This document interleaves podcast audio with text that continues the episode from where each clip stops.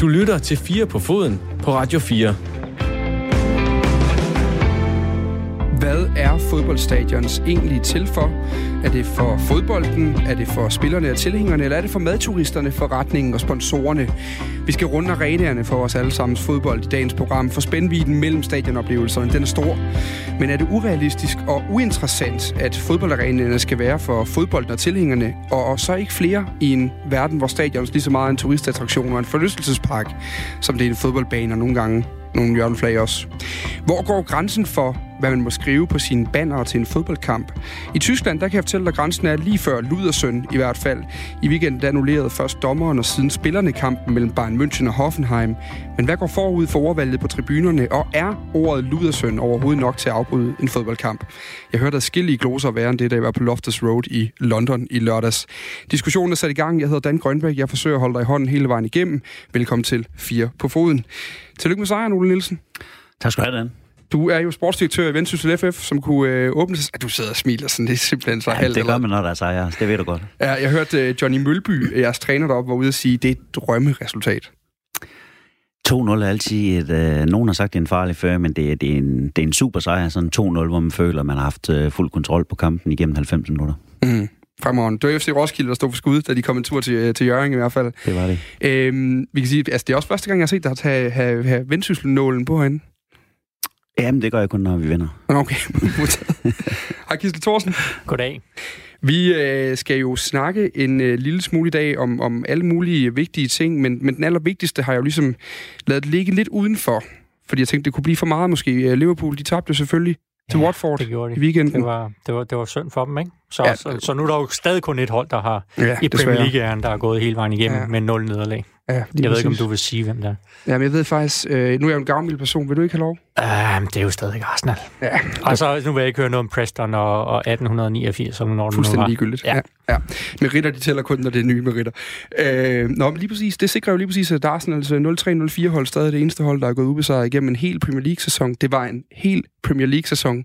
Og øh, så kan man sige, jeg har jo lidt de samme sympatier for Arsenal, som det jo øh, øh, er helt åbent, du også har. Og jeg kom jo for skade at tweete midt i sådan en øh, halvstor popbrænder i lørdags, øh, da jeg sad sammen med to kammerater, så Liverpool-kampen i London, at Liverpools nederlag var det bedste, der var sket for Arsenal hele sæsonen. Har, har du det også sådan, Gissel? Mm, ja, jeg ved ikke. Jeg, jeg tror også på, at Teta kan, kan, kan gøre noget ved den klub, så det, det synes jeg også er godt, at han er, han er blevet manager. Selvom starten har været lidt la-la, så, så synes jeg alligevel, at man kan se noget, men, men det er da klart, altså, man Tænk- så der også, tænk der var tidligere spillere, der var ude og... Du skal bare tige stille nu, så vi er i gang med. Lo- øh, Laurent, øh, Laurent øh, den tidligere bak, han var jo også ude og, og tweete, så altså, det betyder da meget for Arsenal. Selvfølgelig gør det det. Mm, der var også uh, Ray Parler, The Real Ray Rumford Parler, det er rigtigt. som var ude og lige at drikke en ekstra bajer den aften, fordi det, det kunne han godt tillade sig. Uh, vi kan sige, at Henrik Glenn Ridersholm, en af vores andre paneldeltagere, han var relativt hurtigt på nakken af mig og kaldte den deciderede taberholdning og, øh, og kigge tilbage på den måde. Ole Ja, men det, det er lidt sjovt, når, man, når, når det kommer fra, fra, en- fra Liverpool, i hvert fald Liverpool-folk, synes jeg nu nok har været rigtig gode til at kigge tilbage i historien. Det er rigtigt. Det er fuldstændig rigtigt. Hvad siger du, Ole? Nu må du gerne sige noget. Jamen, i forhold til jer Arsenal-folk, så ting tager jo tid, og øh, det, det tror jeg da nok, at øh, Arteta han skal få, få styr på. Øh, men det er ikke lige fra i dag til i morgen.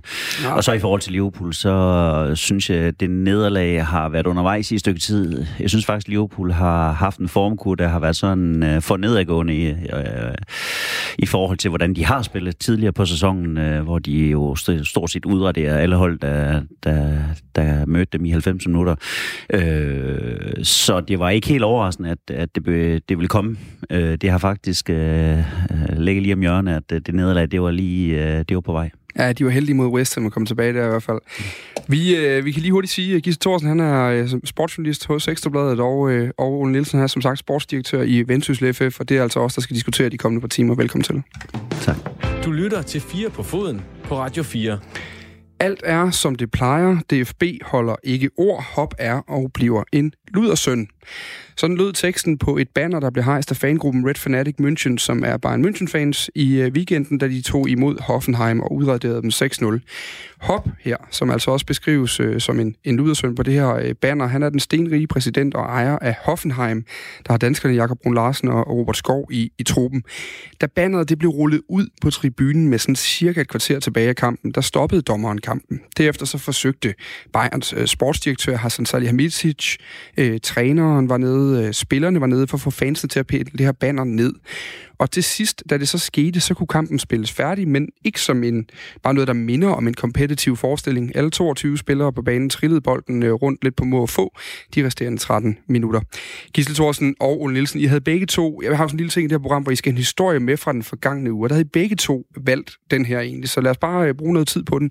Hvis vi starter hos dig, Gisle, Øh, hvad var din første reaktion, da du så billederne dernede fra? Jamen, jeg, jeg synes, det var helt absurd. Altså det der, at spillerne står og spiller, spiller bolden rundt på den måde. Jeg kan godt forstå, at de bliver, bliver sat i en vanskelig situation med, med kampen bliver afbrudt, de går ned, kommer tilbage igen og alt det her, men, men, men at de ikke ligesom prøver at spille kampen til bare sådan nogenlunde. Nu stod den så også 6-0. Det, det, det gjorde nok også noget ved, ved deres lyst til, at, til sådan virkelig at spille videre. Mm. Men, men jeg synes, det, det, det er fuldstændig absurd, det der er foregået dernede. Altså det der med, at man Øhm, jeg går normalt ind, eller jeg går ind for ytringsfrihed. Uh, selvfølgelig skal man, man tænke sig om, hvad man skriver på banner, men, men altså, jeg, jeg synes nu nok, at vi, vi hører øh, den ordlyd, øh, også på danske stadioner, og vi, vi har også hørt den på tyske stadion. Der, der er flere spillere. Timo Werner, han bliver jo kaldt det stort set hver eneste gang, han, han spiller. Der, hø, der ser jeg ikke kampe, der bliver afbrudt, og nu går det så ud over en, en, en kontroversiel, kan vi jo godt kalde ham, milliardær i, i Hoffenheim, der, der, der har det meget, meget svært med med, med, med den slags, øh, jeg ved ikke, om vi kan kalde det kritik, men så i hvert fald øh, den slags ytringer. Øh, men, men jeg synes, altså nu må vi lige, altså det, det, det, der var en her til Berlin-spiller, der, der blev udsat for, for racisme nogle uger inden, der, der bliver kampen altså ikke stoppet, og det ender med, at han, han, ja, han bliver smidt ud, ikke? han er frustreret, øh, der, der gør man ikke noget, og, og så gør du det her. Det, jeg, jeg synes ikke, det hænger sammen også, det her med det tyske fodboldforbund, der siger, at man vil ikke straffe kollektivt, og, og så gør man det alligevel med, med de her Dortmund-fans, og det er jo også det, som, øh, som Bayern München-fansene blandt andet reagerer på. Altså, der, det er jo sådan, det er en, det er en kompliceret sag, men, men jeg synes, det var, det var absurd at se.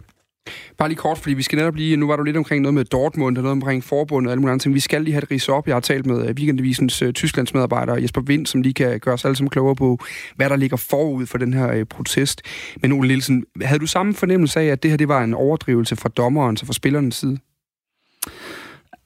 Jamen, det, det, det er jo en meget speciel case, den her. Altså, og jeg tror, at, at det er... At det er for, at man ligesom vil have stoppet det her i, i, i tide, inden det helt fuldstændig eskalerer. Fordi at, øh, øh det er jo klart, at Hoffenheim og Red Bull Salzburg, eller mm, RB mm, Leipzig, øh, jamen de, øh, de er ikke de mest elskede klubber i den, øh, i den tyske Bundesliga. Det var også helt diplomatisk sagt, var. Øh, de, de ligger jo en lille smule for had, fordi at det er øh, rige mænd, der står bag, og som har puttet mange penge i den, eller i dem, sådan at de har kunne komme op og spille med på, på øverste hylde i, i Bundesligaen. Og det er ikke så velset øh, rundt i Tyskland og i de der, øh, hvad skal man sige, lidt traditionsrige øh, klubber, som jo kører på den gamle tyske model med afsitsret og valgt ind af medlemmer osv. osv. Mm. Øh, her kører det jo på, på, på andre modeller, hvor det er, er de her rigmænd, som, som sætter dagsordenen, og det... Øh, øh, det kan man synes om, hvad man vil, men det er jo bare en del af den udvikling, der er i øh, international fodbold, at øh, det er jo pengene, der kommer til at, til at afgøre det, og øh, jeg tror bare, at man i Tyskland har, har øh, vil forsøge at sætte en stopper for, inden det her det eskalerer fuldstændig. Så det, det er jo en meget spejre af, den her. Inden vi snakker videre om episoden, så skal vi lige blive lidt klogere på, hvem ham her Dietmar Hopp er, og hvordan han egentlig endte på det her banner ved siden af ordet Hovedenzone. Weekendavisens Tysklands medarbejder øh, Jesper Vind, han gjorde mig lidt klogere tidligere i dag, da jeg talte med ham. Jamen, han er en af Tysklands øh, rigeste mennesker. Han har været med til at grundlægge den her øh, softwarekoncern, der hedder SAP, og det har gjort ham styrtende rig. Og øh, så er han jo også øh, fodboldelsker, og øh, har i mange år støttet klubben øh, Hoffenheim, øh, som i folkebunden også hedder Hoppenheim, altså Dietmar Hopp. Ikke? Og, øh, men for nogle år siden, da Hoffenheim lå i øh, femte liga, der, der, der begyndte han at sprøjte en masse kapital ind i klubben, og simpelthen investerede, og købte alle mulige øh, dyre spillere og en dyr træner, og byggede et nyt stadion, og stille og roligt så gik øh, Hoffenheim, eller faktisk ret hurtigt gik Hoffenheim fra 5. liga op i Bundesligaen. Og det var ret bemærkelsesværdigt, eftersom Hoffenheim er en by på 3.000 indbyggere. Men øh, de har siden, øh, inden for de sidste par år, ligget i toppen af Bundesligaen, og øh, på den måde blevet symbol på, at øh, man kan åbenbart købe sig til, til storhed inden for fodbold øh, i Tyskland, øh, og øh, at altså, pengene har ligesom overtaget, ikke? og han er blevet et symbol på, at at det, det, man har set i engelsk fodbold, hvor, hvor, hvor arabiske og russiske oligarker sådan køber gamle traditionsklubber op, øh, det, det, det, det er så også fundet deres vej øh, i Tyskland, for eksempel i en klub som, som øh, Hoffenheim. Og det er heller ikke tilfældigt, at det lige præcis er skældsordet Hurenson, der er brugt på øh, banneret, fortalt mig. Der står jo Hurenson, altså son of a bitch. Øh, det er ikke bare sådan et almindeligt skældsord, øh, som vi kender det i øvrigt. Det har også lidt at gøre med, at uh, Dietmar Hopp er søn af en gammel uh, nazist, der var med til at og, og, hvad hedder det, ødelægge Hoffenheims synagoge og en masse mennesker, der jøder, der, der, der blev ja, kom i koncentrationslejre dengang. Så, så der ligger lige den her aspekt med, med det historiske også ind i det. Så derfor det får lige en ekstra tand mere. Det er jo selvfølgelig noget, som Dietmar Hopp har taget klart afstand fra, og jeg mener også, han er med til at, altså, så at sige, han er en mecen, ikke? Han har også givet penge til, til at der blev lavet en dokumentarfilm om det og sådan nogle ting. Så, så, så det er jo en urimelig kritik øh, af ham, at han så at sige skal bøde for, hvad hans øh, far øh, har gjort. Men der ligger selvfølgelig også i, i det her en slags, så kan man sige... Øh, Ja, der er også en lille, øh, kan man sige, et snært øh, antikapitalistisk strømning i det, ikke? Men, men, men, øh, men øh, øh, der er jo også brugt, når du spørger til, til, lige præcis til det her, øh, altså øh, øh der er nogle faner, øh, nogen der, der, der har billeder, haft billeder med, af Dietmar Hoppen, og så med, med hagekors, ikke? Øh, så, så man kan sige, der bliver gået til vaflerne her, ikke? Vi var lidt inde på det, det her med ordvalget. Altså, det betyder noget. Der er åbenbart også en historisk kontekst i, at det lige præcis er det, der bliver sagt.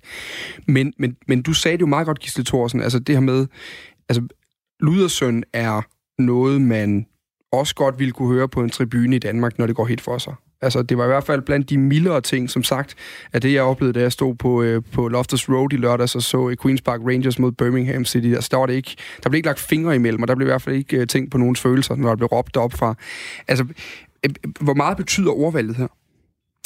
Øh, jamen, jamen, selvfølgelig betyder det noget, øh, men, men, og jeg synes også, det er et eller andet sted, hvis vi skal trække en linje til Danmark, så er det også en, en debat, vi havde i, i sidste år øh, med alt det her med, med Victor Fischer og OB-fans og, og Brøndby-fans og, og hvad, hvad der nu ellers var, der, der, der råbte, at han var, han var gay. Øh, så, så det er jo en, en hård, fin grænse, altså for hvad, hvad, hvad kan man tillade sig på, på et fodboldstadion, og er rammerne videre, end, end, end de er, hvis du er ude i, hvad kan man sige, hvis vi kan kalde det den almindelige verden. Fordi vi, vi ved jo godt alle sammen, at, at, at ligesom om, når du er på et fodboldstadion, så, så er det lidt nogle andre øh, regler, der mm. gælder. Øhm, men, men selvfølgelig kan man jo godt tage en diskussion af, om, om det skal være rimeligt, øh, at det er andre regler, eller, eller man skal sige, okay, skal, skal der være lidt højere til loftet på et, på et stadion, fordi at, at vi ved godt, at det, der det, der bliver sagt, det, det mener folk måske ikke helt så bogstaveligt, som, som, øh, ja, som det er sagt. Ole Nielsen, lad os nu sige, øh, er det ikke øh, Jakob Andersen, der er bestyrelsesformand, og øh, lad os bare kalde ham Mæcen i øh, Vendsyssel FF. Det er korrekt, ja. Lad os nu sige, der hang et banner lige pludselig, hvor han blev kaldt en, en ludersøn. Er det så for kraftigt et ord? Ej, men jeg, jeg synes, det er så upassende, det der. Og det, det kunne jeg også se, øh, både fra ledelsen og præsident øh, Rummenigge øh, med flere var jo over i det øh, hjørne, hvor Bayer-fansen stod, det, stod og, og, og jeg har da også lidt, at... Øh, er det, er det ikke bedre, at de går, går op i at forsøge at hjælpe deres eget hold øh, og hæppe på dem, end at, at gå efter en, en, en præsident for, for, for modstanderholdet? Altså, det, det, det er sådan lidt eller andet sted, lidt under billedsted. Men man skal også huske på, at, at SAP jo også øh, sponsorerer Bayern München, så jeg tror også, at man skal, man skal se lidt i det lys, at, at de taler meget pænt om, om hop, og så, jeg, jeg, jeg tænker også, det her, det er jo meget, meget principielt for fansen, og det er jo ikke øh, Bayern Münchens kamp mod, øh, mod hop. Det er, jo, det er jo ligesom alle den her ultra-fanscenes kamp mod, mod, mod hop og mod øh, det, som han repræsenterer, øh, mm. som der også blev sagt i indslaget før, altså sådan lidt antikapitalistisk. Altså de, de ser jo fodbold på, på en anden måde, og, og sådan lidt tilbage til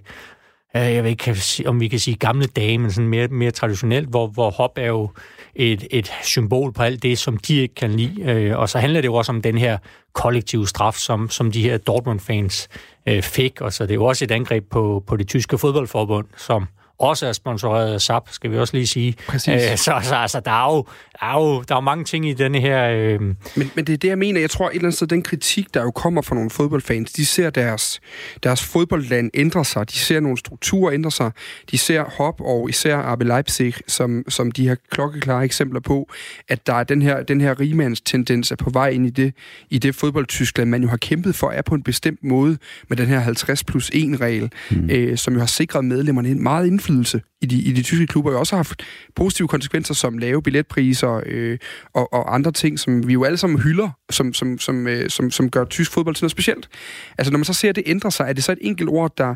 Altså når hele debatten nu handler om det ord, er det så ikke at forflade i den kritik, jo, som jeg synes også, altså, at, at du kan sige, Hop, han har jo også selv prøvet at drage nogle, tidligere i hvert fald, øh, drage nogle linjer til, han mener, det, det er en form for racisme og sige, ah, det er måske lige at, at trække den over. Så kan man sige, ja, det kan være upassende, og, og, og, og det, kan være, det kan være dumt. Man kan have alle mulige meninger om det. Mm. Øh, men jeg synes lige frem at afbryde en fodboldkamp og, og lave det her kæmpe teater ud af det, det, det synes jeg altså at, at, at gå for vidt. Øh, der, der synes jeg, der har været nogle andre eksempler, hvor det har været langt mere passende, hvis en fodboldkamp var blevet stoppet, og man har sagt, nu går de hold i omklædningsrummet, og så, så bliver den her kamp fløjt af. Det, det, det er lidt inde på, Ole Nielsen. Altså det her, når man sammenligner det med altså, racisme mm. som jo er åbenlyst for alle, er noget øh, er vanvittigt stat, som skal væk fra fodboldstadions hurtigere end, øh, ja, jeg vil sige, Sersen Abri kan løbe. Altså. Jamen, Dan, jeg er fuldstændig enig i, at der har været, der har været øh, råbt værre ting end, end lige det der. Der har været øh, værre banner sat op på diverse stadions. Øh, men jeg tror, det her, det, det, det er simpelthen... Øh, det jo statueret eksempel i, mm. i Tyskland om, at nu vil man have det her stoppe, også fordi man synes et eller andet sted, at, at man går efter, efter en person, som egentlig forsøger at og bidrage godt til en klub. Og øh, jeg kan jo tydeligt fornemme, eksempelvis i min gamle tidligere klub i Harsfag, de har jo store problemer med den model, de har, øh, fordi øh, alt skal igennem det der afsitsret, hvor der sidder, nu kan jeg ikke huske, mange personer er i, eller hvad der er, der er blevet valgt ind. Øh, og alt skal igennem det udvalg der, inden det kan blive besluttet. Og det betyder også, at intet, intet kan holdes hemmeligt i den klub. Alle øh, beslutninger, de står på forsiden af billedet, inden øh, de egentlig er blevet effektueret. Mm. Så de har haft kæmpe udfordringer med at holde styr på den klub dernede. Øh, og derfor er den model måske, den har den måske også overlevet lidt sig selv. Øh, man kan også se, at øh, øh, hvis du vil være med på øverste hylde, når det hedder Champions League og alt muligt andet, øh, så er det altså bare penge, der, der, der, der afgør, hvem der er, der spiller med helt frem.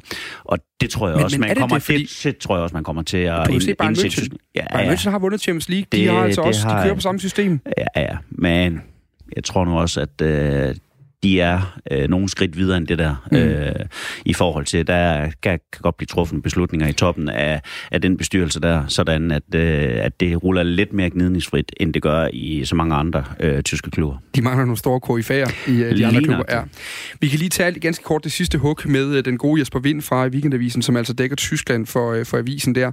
Fordi udover den her aktion, som vi også har talt om her, er, er, ligesom var i sig selv, så er den altså også en del af en, af en langt større bevægelse og en fanprotest protest i Tyskland mod rige ejere, der trænger sig ind i fodboldklubber, som ellers traditionelt er medlemsstyret på grund af den her såkaldte 50 plus 1 regel. Her er Hoffenheim og RB Leipzig især i øh, skudlinjen. Det er præcis det samme, man oplever med en klub som øh, øh RB Leipzig, som også bliver kaldt for, ja, det bliver kaldt for en dåseklub. Ikke? Det er ikke en rigtig klub, det er en kunstig klub, som Red Bull-koncernen har, har købt, og de har sådan set næsten samme historie. Øh, Red Bull øh, øh, lå også nede i, øh, altså den klub, der oprindeligt, før den hed Red Bull, det lå nede i 5. eller 6. eller 7. liga, og stille og roligt, så kom de her Red Bull, den her dåsekoncerns penge ind og, og, og, og øh, sørgede for, at klubben på en eller anden måde øh, lynhurtigt kom op i første Bundesliga.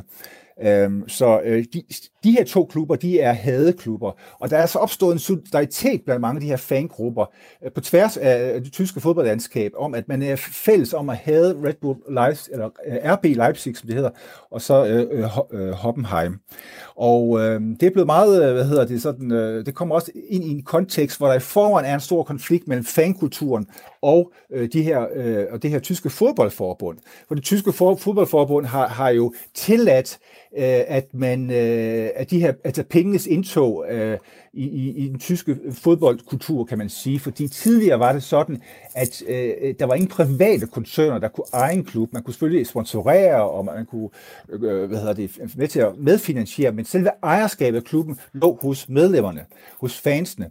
Og øh, der lavede man så den her regel for nogle år siden, der hedder 50 plus 1, som sagde, at, øh, at øh, det skal stadigvæk være sådan 50 plus 1 øh, procent af, af, af, af hvad hedder, magten i en klub er hos fansene. Men det er den regel, der er stille og roligt ved at blive undermineret og undergravet af klubber som Hoffenheim og øh, Red eller RB Leipzig. Hvis vi tager RB Leipzig, øh, der, man har jo den her regel om, at, øh, at det er medlemmerne, der har magten. Ikke? Og i nogle af klubberne, altså, der er det jo, altså Bayern München, de har over 100.000 medlemmer. Ikke? Schalke 04, jeg ved ikke, det er også 50.000 medlemmer. Det er virkelig nogle klubber, der er rodfæste i lokalmiljøet, hvor de, hvor de er opstået for 100 år siden, og, og, og det er medlemmerne, der, der, sidste, der har det sidste ord. Men for eksempel i Leipzig, der, der, er der, kun, der har de lavet sådan en konstruktion, hvor der kun er 15 medlemmer. Og, og alle de der 15 medlemmer, øh, de er jo øh, ansatte i Red Bull-koncernen. Ikke? Så man kan officielt sige, at her er det medlemmerne, der har magten, men, men det, er jo, det, det, det, er jo, det, er jo en fake konstruktion. Øhm, i, I Hoffenheim, der har man stadigvæk den der 50 plus 1 Øh, konstruktion, sådan set. Øh, øh, men, men, men, men det er ham, der betaler 100% af, af, af alle, alle finansi- altså, ja, der, der, der er lavet nogle forskellige øh, indviklede øh, øh hvad hedder det, måder at, at undergrave det her på her. Og det tyske fodbold, fodboldforbund har set gennem fingrene jeg kan se, at øh, bare lige hurtigt, lige det hurtige indspark i den her diskussion, så kan jeg se, at øh, Mobil har lige lavet et øh, vanvittigt mål for FC Midtjylland, så jeg er lige gerne med at prøve at få et fjernsyn op og køre her i studiet, så vi lige kan følge lidt med i øh, kampen mellem FC Midtjylland og øh, Sønderjysk, mener nok der, som, øh, som spiller øh, lige nu. Øh, det var en direkte hensyn til dig, producer Rasmus. Du må gerne lige øh, komme i gang. Jeg har en fjernsyn den her, hvis der. Øh, for at komme tilbage til vores gode ven Jesper Binder, det han siger her, så øh, fandt jeg også en fan øh, erklæring i dag fra det, de her Red Fanatic øh, München, som jo så er ved at fortælle deres side af det nu.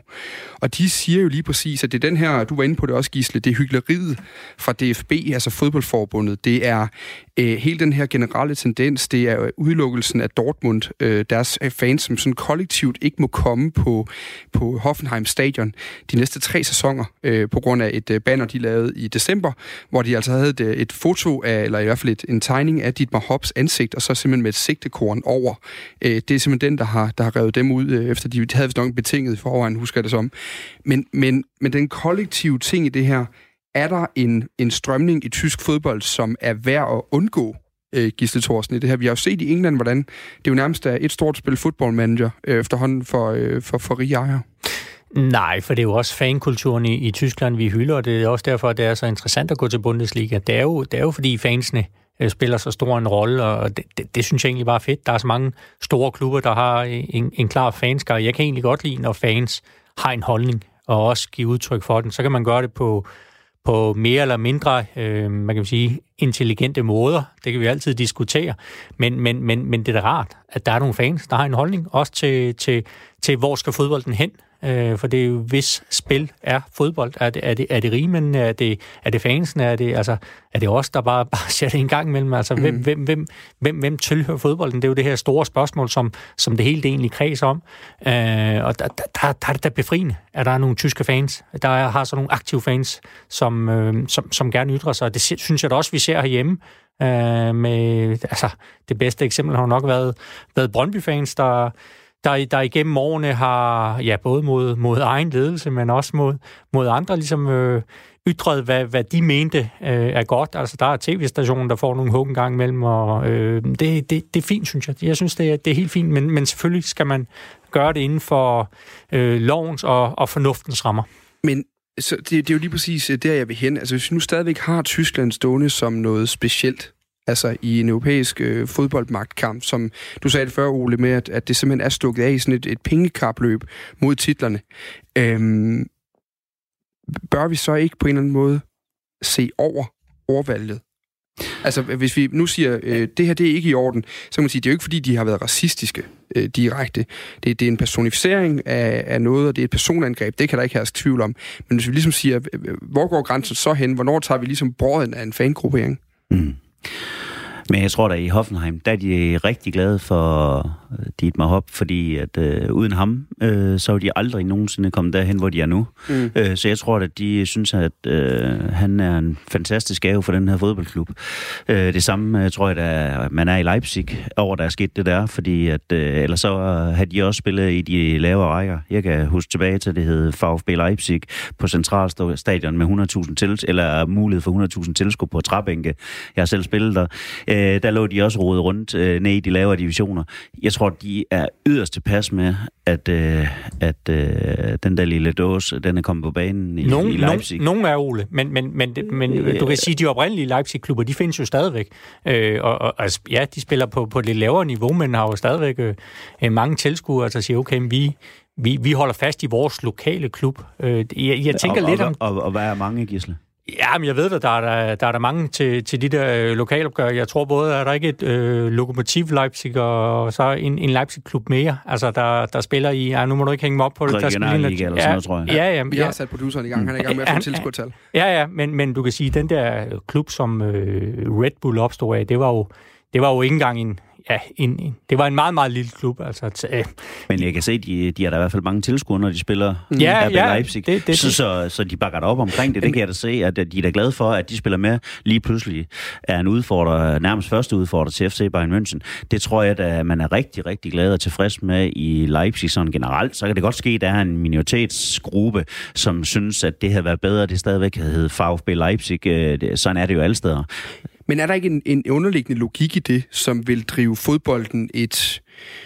Nu kommer vi til at tale om stadions lidt senere på baggrund af oplevelser, jeg har haft. Altså hvis, der, hvis man følger logikken af, jo flere penge kommer ind, jo mere konkurrencedygtige bliver vi, jo bedre bliver fodbolden på banen, fordi vi kan købe nogle ordentlige fodboldspillere øh, lige pludselig. Jo, vi får måske et bedre stadion, vi får måske nogle bedre sponsorfaciliteter og alt muligt værk.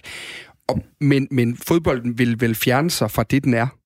Altså at, at rykke sig tættere på titlerne muligvis, men længere fra fansene. Ja, men det er jo også en, det er jo en, det er jo en super spændende diskussion, for det, for det er jo netop også det her, at sige, jamen, hvad er, hvad er fodbold? Er, er det bedst at ligge i Superligaen for eksempel herhjemme for, en, for enhver pris? Eller siger man, okay, vi er, vi er en første divisionsklub, øh, men, men vi, vi værner om, øh, om de værdier og, og den måde, vi gør det på. Vi, vi egentlig, selvfølgelig stræber man altid sådan rent sportsligt efter at komme så langt som muligt, Jeg, men jeg håber alle, de ambitioner om at vil spille på så højt niveau som muligt. det tror jeg, det tror jeg, men, men det er også bare at sige, men skal det være for enhver pris? Altså skal man for eksempel sætte klubbens eksistent på spil ved at satse med at sige, okay, hvis, hvis vi ikke rykker op, så kan det være, at vi må dreje, dreje nøglen om. Altså det er jo også, det jo også lidt den, øh, og det, det var jo også øh, det, man havde ude i Brøndby, altså at sige, okay, men hvad, hvad, hvad, hvad skulle der ske der? Altså var, var det... Jamen, de vil da ikke drosle ned på økonomien, og så, og så, og så acceptere at spille i anden division. Nej, nej, det vil, det vil de ikke, men Nå. jeg siger, fansene, fansene vil jo hellere se, tror jeg. Ja, øh, det er i anden division, eller? Ja, ja Eller- eller, eller en, have hvis alternativet, det var Red Bull øh, Brøndby, for eksempel. Men- Men, der, men- der er jeg da ret sikker på, at der var mange til... Gisle, jeg tror, jeg Jo, tror hellere, så- de vil, så tror jeg- jeg tror hellere, de vil have Jan Bæks penge, end de vil have, at de spiller anden division. Ja, Jan Bæks penge, men, men hvis vi snakker Red Bull, som der var snak om for en måned tid siden. Om, nu, nu, det- om det er det ene eller det andet, det er jo øh, et af... Men det er jo Nej, det tror jeg ikke er ligegyldigt. Det tror jeg faktisk ikke er ligegyldigt, fordi du kan sige, at Jan Bæk har der i hvert fald... Så bliver jeg nødt til at sige Hoffenheim. Altså, han er, han er, det er jo en stifter af Mhm. SAP-koncernen, øh, så, så det er der vel ikke noget forkert i. Jeg har ikke hørt noget øh, dårligt om, om SAP-virksomheden, eller har været ude på kanten af noget, øh, som gør, at, at det skulle være øh, konkurrenceforvridende på nogen vis. Øh, Jeg mener, at, at han har lavet en, en god forretning, og så har Ja, han gået jeg ind tror og faktisk også, at han omkring, er, øh, han, han er lokal, og han har, har han Ja. ikke også selv spillet den der Jo, lille jo, klub jo. som, som dreng. Så, så det, er jo, det, det, det er jo fint, men, men Og Ja, det, det er det, tror jeg, sindssygt det tror jeg, der er i Hoffenheim, man er rigtig, rigtig glad for, at han har bakket op med den klub, sådan at de spiller med på øverste niveau. Men det er en sindssygt interessant diskussion, den her. ikke? Jamen, det, det, er man, det, det er man jo, for der er jo fuld stadion næsten hver gang. Så, Ja, så det er ja, slet sådan ikke ser det. jeg det også. Men, men altså, så man kan sige, på den måde er der jo, men der er stadig noget interessant i, i, den, i den underliggende, der hedder, vi, vi, vi kender det jo alle sammen som fodboldfans. Altså, tingene kan godt fjerne sig fra en. Altså, helt bogstaveligt talt ved at stadion bliver større, der er længere ned til banen, når du sidder op på sæderne. Men også i den anden måde. Altså, Gisle, du er, som sagt, vi har jo den der åndssvage øh, kærlighed for den der åndssvage klub fra mm. et eller andet sted i London, som, som mere eller mindre går galt en gang imellem. Ja, men, ja.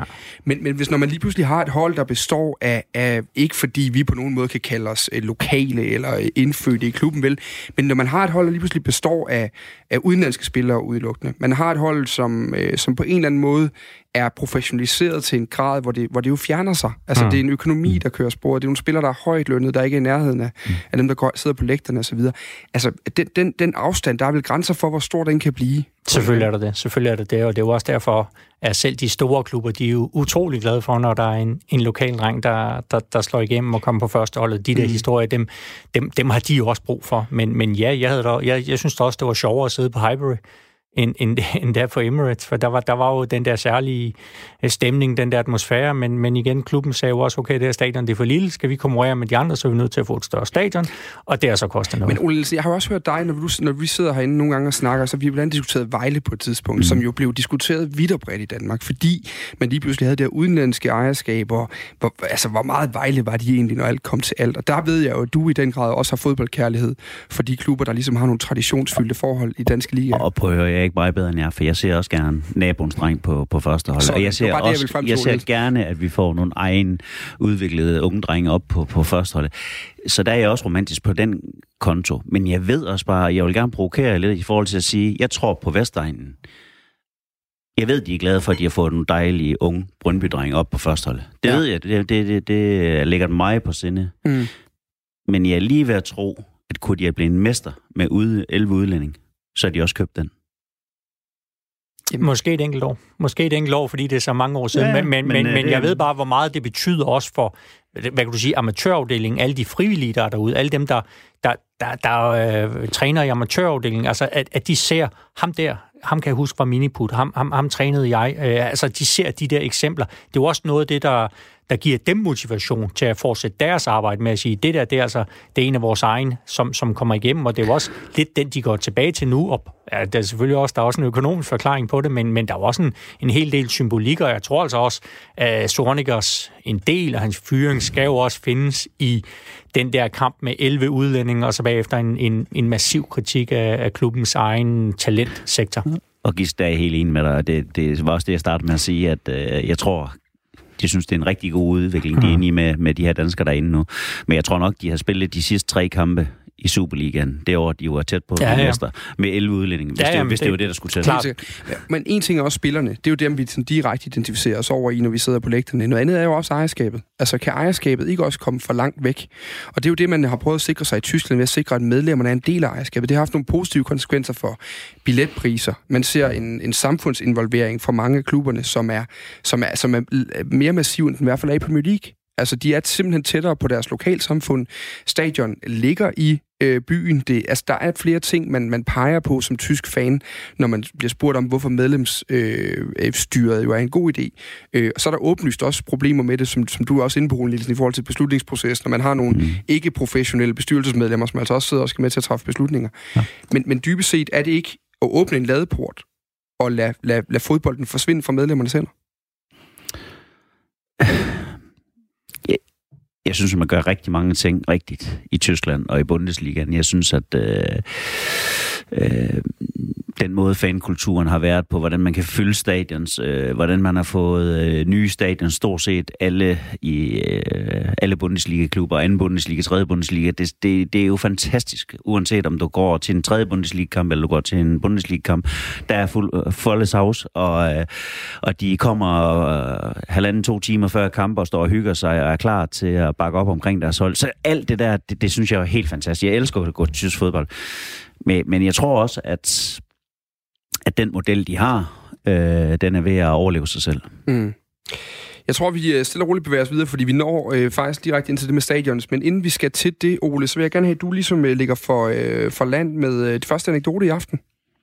Ja, jamen... Øh jeg skal jo tilbage til øh, min sønderjyske tid. Øh, vi havde på et tidspunkt øh, lidt udfordringer på målmandsposten, og så hentede vi en kroat, der hed Mainz Gender.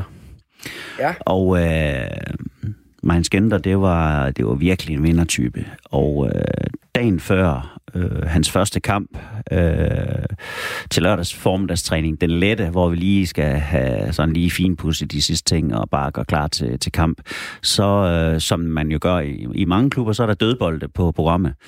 Og øh, vi, øh, vi gør klar til at, at, at serve nogle hjørnespark. Henrik Hansen, han øh, har en 6-8 bold med derud, og starter med at smide den første ind. Og så kommer den her store kroat ud øh, med knæ op og flæsker vores øh, øh, rigtig dygtige forsvarsspiller øh, Rubio Afolabi, sådan at han øh, brækker to ribben.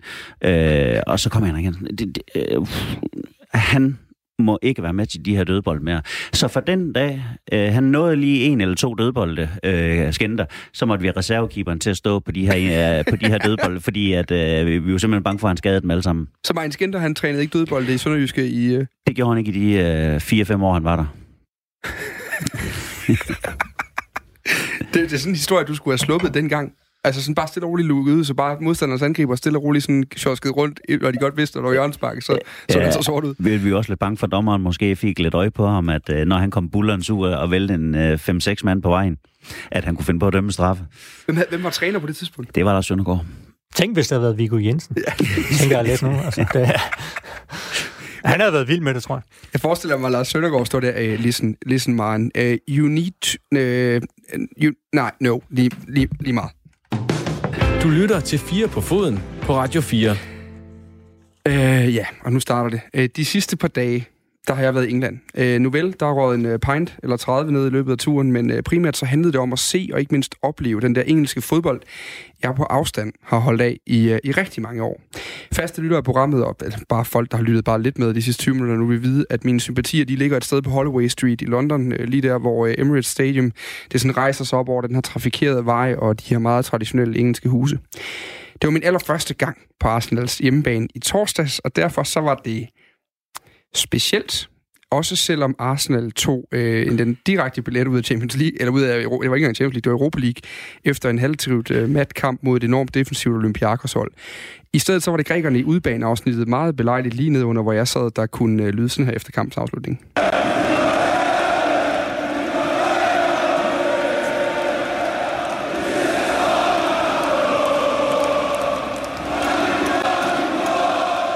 Vi var nærmest derude, hvor der ikke var en eneste spiller fra Olympiakos, der havde tøj på, efter han stod dernede. Alt røg simpelthen ud til de der fans der, og øh, så stod de de der åndssvage sportsbehov, de spiller i øh, nu om dagen, fordi der skal måles statistik på dem hele tiden. Det ser simpelthen så dumt ud. Nå, men selve stadionoplevelsen, øh, den var ikke magisk. Altså, der er god plads til benene ved de her sæder her. Øh, din line of sight, som man taler om, den er god, uanset hvor på stadion du nærmest sidder, øh, siger folk. Men der er ikke særlig meget larm. Og hele stadionet bærer præg af, at der skal laves penge, og gerne mange af dem, og det meget gerne hurtigt. Der er stenovnsbagte pizzaer ude i loungene, der blinker Arsenal op på storskærmen, når de gerne vil have fans, øh, som er, sådan er høflige og stille, øh, lige siger lidt en gang imellem. Og det, øh, det der øh, meget udlandske publikum, de skal også gerne lige kunne se, hvordan tingene staves øh, på engelsk, når de skal begynde at råbe øh, lige pludselig. Øh, jeg vil gerne lige starte med at læse noget op i sin, spil, i sin bog Spillets Udvikling, der skriver Asger Hedegaard Bøje, som er fodboldskribent på Weekendavisen og øh, forfatter, og det er også paneldeltager her på, på kanalen, at en ting har udviklingen endnu ikke ændret på. En hver klub hører til på et stadion, som er placeret i den by, hvor klubben er stiftet. Men arenaer kan jo rives ned og bygges op på ny. Siden det gamle Wembleys farvel er der opført snesevis af nye fodboldarenaer i Europa. I Tyskland er der siden årtusindskiftet blevet bygget 13 nye stadioner med en kapacitet på over 20.000 tilskuere. I Frankrig 10, i Spanien 7. Den mest rivende udvikling har dog fundet sted i England. I de sidste 30 år er der blevet opført flere end 30 stadioner over hele England. Og så siger han til sidst, Tilskueren på stadion, spillets gamle klippe, er blevet reduceret til en stemningsskabende stafage og er ikke længere vigtig i et økonomisk perspektiv. Det er i stedet fjernseerne i Brønderslev og Bangkok. Det er ham og hende, der holder liv i milliardøkonomien, ikke ved at fagne som hele fikse verdensborgere, men ved at zoome ind på lige præcis det hjørne, de finder interessant. Gisle Thorsen, jeg ved, du har været på Highbury. Det åbnede du også op for før. Du har også mm. været på Emirates. Mm. Er, er, er min oplevelse skulle det helt forbi? Nej, det tror jeg ikke, den er. Det tror jeg ikke, den er. Altså, Highbury, det, det... Ja, jeg ved godt, der var nogen, der sagde Highbury, The Library, men, men, men der kunne de altså også larme og, og skabe en, en, en rigtig autentisk engelsk affære, øh, når det gik helt for sig i hvert fald. Øh, men ja, det, det, det er jo en meget præcis beskrivelse af, at, at den udvikling, der har været, jeg ved så ikke, om jeg er helt enig med, med det sidste, Asger, han skriver, fordi, fordi jeg tror faktisk, at, at det her med, at tilskuerne faktisk bliver vigtige igen øh, bedst eksemplificeret med, med Liverpool og deres europæiske kampe. Mm. Altså, hvor, hvor, hvor man kan sige, hov, de der tilskuere, de, de kan altså noget. Altså, og ikke bare sådan rent sportsligt bliver de interessante, men, men også øh, kommercielt er det jo også et aktivt at sige, vi har altså de her fanstætter, der i hvert fald en klub, der ligger i, der ligger i Superligaen, der, der sjældent er, er bleg for at sige, hvor, hvor, hvor gode fans de har, og hvor meget de fans egentlig betyder for, for, for den klub, og også for den forretning, som, som de kan lave. Mm. Så øh, fans øh, er jo fodboldens sjæl. Altså, du kan sige, hvis, hvis du siger et fodboldstadion uden tilskuer, og, og så en fodboldkamp, det, det gider vi ikke at se. Det gider vi heller ikke at se på tv. Altså, det er den der stemning. Det er jo derfor, at, vi ser tv, men, men det er rigtigt, der er et paradoks i, at, at man kommer for at opleve den der stemning, men er ikke rigtig selv en del af det. Og hvis du ikke er det, hvis der er nok, der ikke er det, jamen så dør den stemning jo også til sidst. Der er selvfølgelig den rejsende fodboldfans paradoks, Ole Nielsen. Altså, at jeg dybest set synes, det er fedest at være på et fodboldstadion i England, når der ikke er særlig mange andre som mig fordi det gør det bare lidt kedeligere. Men der er også noget omkring, hvordan vi laver de her stadions. Altså det her, der var det jo, de der stenovnsbagte pizzaer kostede 19 pund. Altså der var specielt lavet mikrobrygøl, som havde Arsenals logo på, og det kan godt være, jeg holder meget af klubben, men jeg holdt godt nok ikke særlig meget af, af det stadion, som så fantastisk ud udefra, men som på en eller anden måde bare udvandet min fodboldoplevelse. Du har også været på rigtig mange af dem rundt omkring, ikke mindst når du er ude og hente... Du henter mm. flere kammerater, end du henter Clausen efterhånden jo. Øhm, hvad, hvad er sådan din oplevelse af de her moderne fodboldstadions? Jamen, jeg tror, udviklingen igen, øh, som vi har været inde på tidligere, det her, det er jo blevet en, en blanding af ejere, sponsorer, turister og i gåsøjne de rigtige fans. Øh, og og det tror jeg bare er, er den udvikling, vi må acceptere, at det er det øh, sådan worldwide, at, øh, at, at på de der store stadions og, og de store klubber, de... Øh, Øh, der, der bliver det, det der miskmask af, af det hele, øh, som vi kommer til at se fremover. Det, øh, det er næsten overbevist om, at det er den udvikling, øh, det har taget. Jeg kan huske, jeg var over på Old Trafford øh, med OB i, hvad det været, 8-9 stykker, da de, øh, da de spiller derovre. Jeg siger til Lønge Jacobsen, da vi står øh, inde på stadion øh, kvarter før 20 minutter før, siger til Lønge, det er sgu synd for drengen, at de ikke øh, får lov at spille for fuld stadion. Fordi der var der sådan lige kvarter før tid, at, hvor man tænkte, hold da op, man, det er halvtomt det her. Og så lige så summe ind. Øh, og det var med alt muligt. Øh, nationalitet også, af turister og, og med videre, øh, som havde øh, kunne entrere billet til, til sådan en kamp i Champions League mod OB. Mm. Men, men, men i selve stadion oplevelsen. Altså nu var jeg, øh, jeg fik jo fantastisk øh, begge verdener dag på min London-tur, fordi mm. jeg mhm. var forbi og se Queen's Park Rangers spille 2-2 med Birmingham City på, øh, på hjemmebane på Loftus Road. Altså, det er sådan den diametrale modsætning til Emirates Stadium. Lille bitte sted, der jeg tror, der er plads til 14.000, der var 10. Helt tæt på banen. Altså. Fuldstændig. Ja. Altså, man sidder, så man kan spytte linjedommeren i nakken, ja. øhm, uanset om du sidder på femte række. Det er fodbold. Jamen, det, jamen, det er jo interessant lige præcis det, du siger der, ikke? Fordi hvem er stadionet for? Er det for tilhængerne? Eller er det for sponsorerne? Er det for turisterne? Er det for, nu sætter jeg bare dem, altså madturister? Det er jo alle mulige andre, der også kan få en stadionoplevelse ud af det, uden at du nødvendigvis er hardcore. Men det, du går tilbage til, Dan, der, det er jo, det er jo netop også, der, der går du tilbage til sådan fodbold var engang. Mm. Og jeg tror også, der er den bevægelse, at man siger, ved du hvad, vi, vi gider ikke se, se den der topkamp i, i den bedste række. Vi tager ned og ser noget tredje Bundesliga eller anden Bundesliga, hvor, hvor der er en helt fantastisk stemning, hvor, hvor det stadig øh, lugter af pisse ud på toilettet, hvor, altså, hvor, hvor du kan få en, en, en fadøl og, og, en, og en pølse til, til en rimelig pris, og hvor, hvor man hygger sig, mm. og hvor, hvor man også kan få lov at, at råbe lidt og, og, og stå og hoppe, uden mm. at der er nogen, der kommer og siger, nu skal du altså sætte dig ned. Øh, jeg, jeg tror, der er lidt den her modreaktion, og jeg tror også, at de, de klubber, der ligesom øh, rammer det. Altså, jeg synes, at Crystal Palace i mm. Premier League er et godt eksempel ja, på at sige, hov, Park. lige netop, og, og, og der er også øh, utrolig meget øh, snak om det her safe standing, altså hvor, hvor du laver, øh, eller tager ståpladserne tilbage, Der var jo nogle, desværre nogle, nogle meget, meget grimme ulykker i, i, i 80'erne. Mm. Øhm, stadion-tragedier, der, der gjorde, at Thatcher, hun, hun, hun skrev jo ind og sagde, nu skal det være all-seaters, og det blev alle de her stadions. Og, og det, var, det var, du kan sige, det var godt for for, for noget af oplevelsen. Ja, godt for sikkerheden også, men, men, men det var så også bare det helt andet publikum, der kommer. Og, og, og, og vi ved jo alle sammen, at der, der er forskel på at sidde ned og se en fodboldkamp, og så stå op og se en fodboldkamp. Mm. Og man kan sige, fodbold er jo et af de... Det er jo, det er jo også det, der gør det til et fantastisk spil. Det er, at du som tilskuer, der er du faktisk med i kampen. Du, du, du kan påvirke kampen. Altså selvfølgelig vil sige nok, men, men, men det er jo det, vi har set. Den energi, som i stadion kan, kan skabe, kan påvirke kampen, og det er jo også det, der, der er så fantastisk ved, ved det spil. Mm. Jeg stod, jeg stod øh, 5-6 pladser fra en, øh, fra en far, der stod med sin søn ved siden af. Det er svært at vurdere, hvor gammel søn ikke var, men han har ikke været mere end 7-8 år i hvert fald.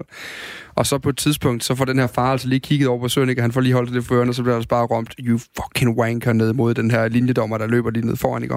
Og, så, og det, var jo, det var jo sådan en ekstrem oplevelse at stå i det der med, hvor meget passion der var. Og jeg tror, det der passionen måske var forskellen på den oplevelse, ja. og så på Emirates. Mm. Har du oplevet det samme, Ole Nielsen? Er det bare mig? Fordi der er en helt... Altså for helvede, jeg sidder i et radiostudie i Danmark i dag med en sixpence på, fordi jeg holder af det her øh, britiske miljø, og stadig ikke helt har det ud af kroppen efter den her weekend. Altså er det bare mig, der er en øh, håbløs romantiker, som ikke fatter, at det, er, det er den eneste måde at, at drive en fodboldforretning på i 2020?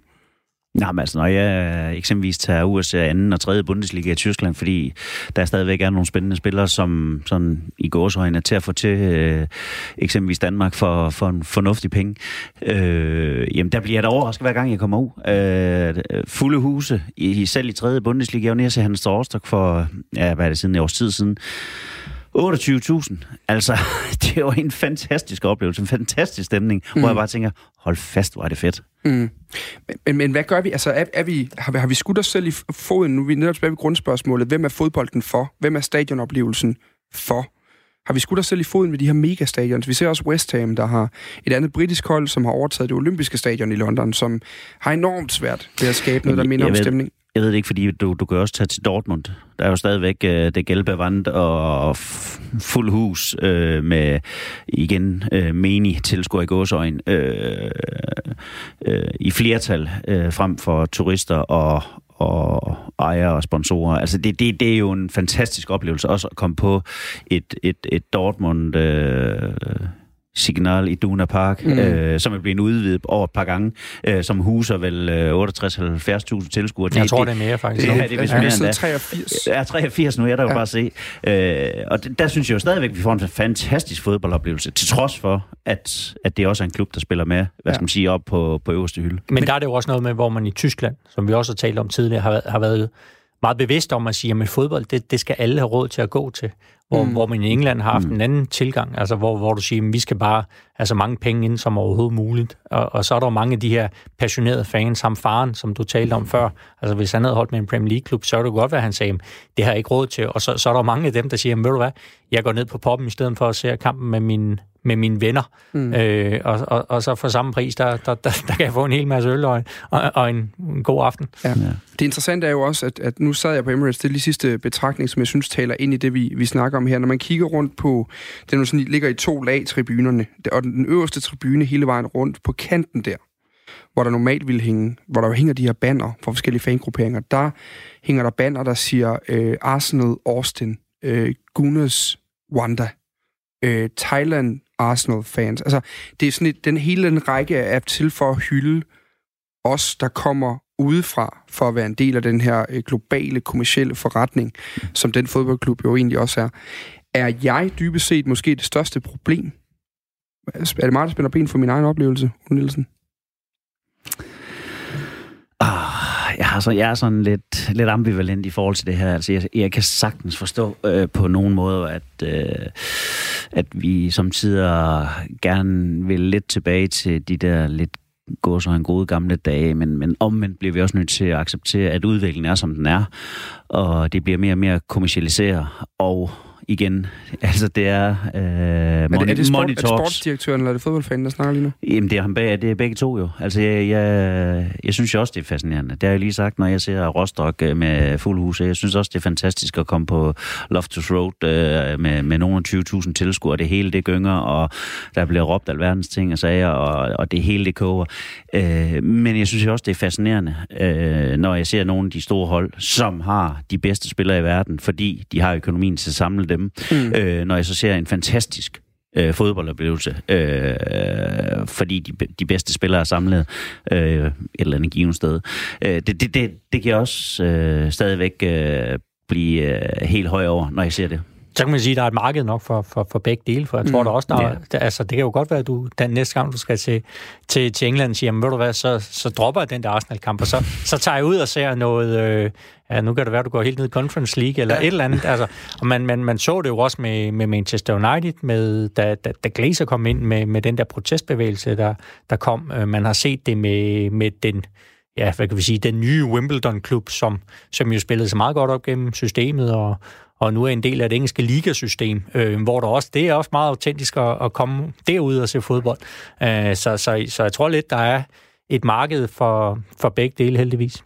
Lige til allersidst her, øh, Ole Nielsen. Bedste stadionoplevelse nogensinde. Hvad er det for en, der sidder i kroppen på dig, når øh, de unge spørger om, hvor de skal tænde til fodbold? Jamen, nu har jeg jo øh, lidt... Det må ikke være noget, hvor du selv har løbet på banen. Jeg har jo, jeg har jo et lille blødt hjerte, for, når jeg kommer på, på Folkspark. Det bliver jeg nødt til at sige. Jeg synes, det er fantastisk stadion, og øh, når der er fuld hus der, så er der æder med med gang i gaden. Sæt lige et par ord på Folkspark. Hvor er det henne? Hvad er det for en klub? Det er Hørsvav. Det er Hørsvav. Det kan ikke være anderledes. Gisle Thorsen, bedste stadionoplevelse? Jamen, det, det, det bedste, jeg har haft, det, det er Anfield på en europæisk aften. Ej, det er jeg, ja, men, siger men, prøv, jo, men jeg har også set Arsenal blive mester, da de slog Everton 4-0 på, på Highbury, hvor, hvor der, der, der gyngede The North Bank. Men, men jeg vil sige, det der rørte mig mest, det, det var, da, da Liverpool i, i 2005 vinder 1-0 over Chelsea i, i semifinalen, og, mm. og kommer, ja, kvalificerer sig til finalen. Den der atmosfære, der var på, på Anfield, det var, det var helt vildt, fordi altså, det der Liverpool-hold, det var ikke det var ikke specielt godt, og det var Chelsea, men alligevel vinder Liverpool 1-0, og det var meget takket være de fans og den atmosfære, som de skabte øh, den aften. Det kan vi altså, vi kan runde den af med, at øh, hvis du selv er på vej til England, og det er første gang, ligesom det var for mig den anden dag, og du skal finde et godt sted at se fodbold, så er det en rigtig god idé at gå ind og se, om du kan finde billeder af stadionmenuerne. For det har jeg på fornemmelsen fra min egen fuldstændig uvidenskabelige undersøgelse. Det fortæller ret meget om oplevelsen. På Emirates, der er som sagt stenhåndsbagte øh, pizza og et eller andet åndssvagt mikroøl, halløj, der var gang i der, ikke? Øh, på, øh, hvad hedder det, Loftus Road, der var det altså, du kunne få en Carlsberg i en plastikflaske, kunne du, fordi du måtte ikke kunne slå nogen ned med den bagefter. Og derudover, så var der ellers øh, ved siden af kaffe og te, så var der altså også Bovril, som for dem, der har prøvet det, der er det jo sådan en eller anden form for bouillon, du får i en kop, og så kunne du ellers få pege. Og jeg så, jeg ved ikke, hvor mange 15-årige stod og spiste pie undervejs til fodbold. Det var simpelthen og det var et magisk øjeblik, altså. Ja, men, men, men ja, så skal man også huske, en del af oplevelsen i England, det er jo naturligvis også de der øh, burger, man kan få uden for stadion. Ja, det er rigtigt. Det er rigtigt. Den der duft af, af løg, den, mm. den er der forhåbentlig stadigvæk ude foran Emirates. Øh, ja, ude foran indenfor, ja. der duftede det der parmesan og rucola. Jeg ved fandme ikke, hvad Ja, der, der, der, er det, der er det helt vegansk. det var altså stadionturen for i dag. Du lytter til Radio 4. Og lige om der er nyheder her på kanalen. Jeg kan lige starte med at sige, at vi talte tidligere om øh, den her øh, historie fra Tyskland, hvor øh, Bayern, en gruppe Bayern-fans fra det hedder Red Fanatic München, altså har øh, det her store øh, banner op i weekendens kamp mod Hoffenheim, hvor de var, øh, hvor de kaldte øh, Hoffenheims præsident, ejer og mæcen og milliardær og alt muligt andet, Dietmar Hopp, for en, øh, en øh, øh hurenszone, altså en ludersøn. Der har øh, Bayern München altså nu meldt ud her lige kort før vi gik i studiet, jeg har lige fået den ind her nu, at, en, øh, at de vil bistå myndighederne i undersøgelser af lørdagens grænseoverskridende fan protester. Øh, de vil simpelthen øh, nedsætte en intern kommission, som skal forhindre en gentagelse af det her, og den skal blandt andet bistå politiets undersøgelser af begivenhederne ved, ved lørdagens kamper. Derudover, og det virker som om det er sådan er sekundært, så skal den altså også udarbejde en række foranstaltninger, der skal træde i kraft, så frem der i fremtiden måtte være racistiske, antisemitistiske, sexistiske, homofobiske, eller, og det må være vigtigt at bemærke, bare på anden måde fornærmende budskaber øh, på tribunen. Det er altså lige kommet på deres øh, hjemmeside. Øh, derudover så skal vi lige slutte af med her nu. Vi har lige øh, to og et halvt minutter tilbage. Der er også en nyhed fra Schweiz, øh, Gisle og Ole, om at øh, de skal ikke spille fodbold i den schweiziske fodboldliga før den 23. marts. Man har simpelthen øh, været ude og suspendere de kommende runder på grund af den her coronavirus. Vi så også Christian Eriksens Inter spille for øh, lukket øh, stadion i kamp mod Ludo Goldets i, øh, i Europa League, ligesom jeg mener, det var seks andre i kampe der også blev spillet for tomme tribuner.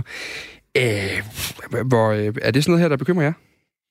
Jeg personligt er ikke øh, særlig bekymret for, for den her corona. Det er, men, men, men, men der er jo så forhåbentlig nogle klogere mennesker end mig, der, der træffer sådan nogle beslutninger, og, og de gør det vel, fordi at de mener, at det er, det er det rigtige at gøre, men ja, jeg ved ikke, jeg ved ikke helt, hvordan jeg skal, hvad jeg skal sige om det.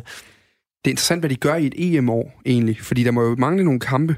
Altså i sidste ende, det må være to eller tre kampe, man ja, men jeg tror også, at der er nogle ligaer, der bliver udfordret i forhold til at kan finde uh, spildatorer, og det... Uh, er, er selvfølgelig også noget af det, de er ved at få lidt hovedbrud om øh, forskellige steder. Mm.